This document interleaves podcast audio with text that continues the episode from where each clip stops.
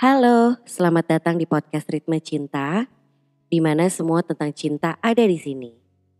Nah, di episode kali ini gue mau ngebahas soal mencintai seseorang di waktu yang salah.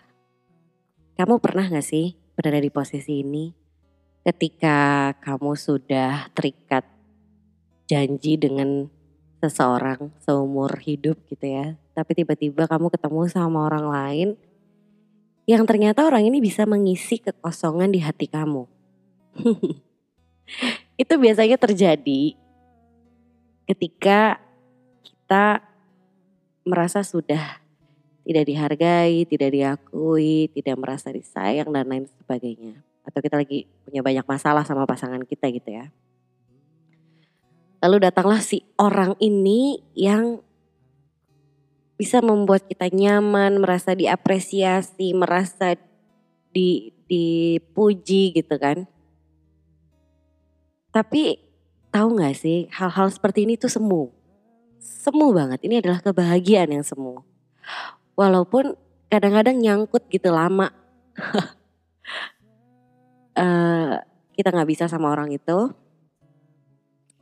tapi kita selalu mikirin dia di hati kita.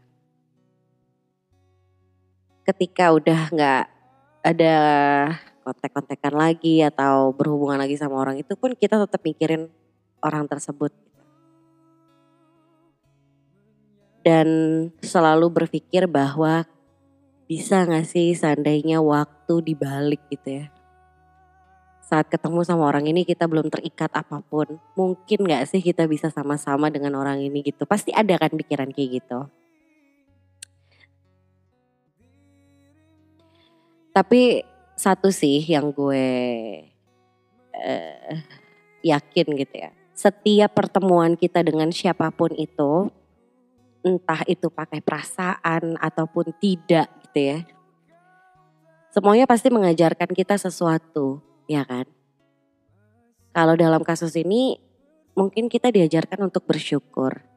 Mungkin kita diajarkan untuk menerima. Mungkin kita diajarkan untuk mengikhlaskan.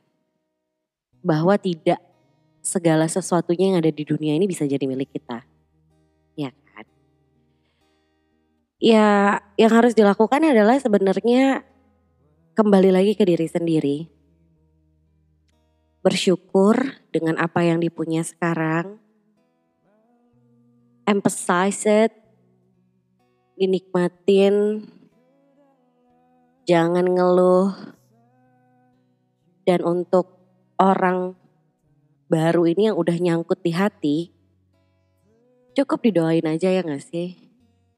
Karena menurut gue, level tertinggi mencintai seseorang itu bukan memilikinya, tapi level tertinggi mencintai seseorang itu adalah ketika kita bisa selalu mendoakannya untuk selalu bahagia, happy ngeliat dia happy walaupun dari jauh. Berat sih, berat banget. Tapi ya, kita kan sudah punya janji, kita sudah punya komitmen yang gak bisa dilepas gitu aja.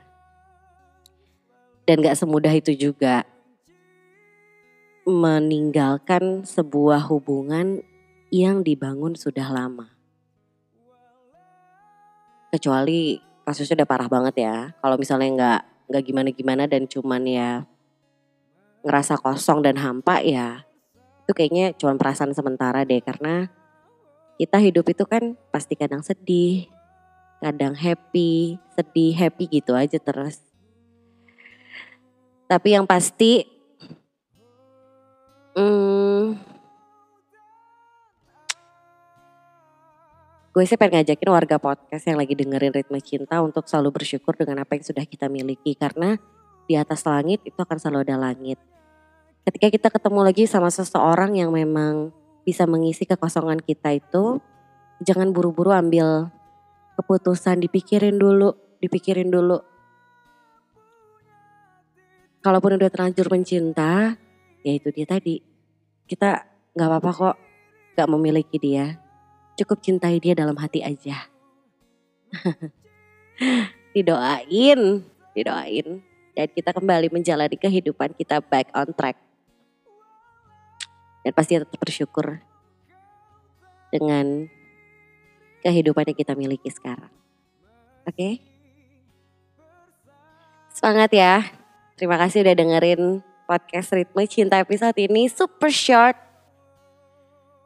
Tapi ini benar-benar meaningful buat gue dan mudah-mudahan buat kamu juga. Oke? Okay?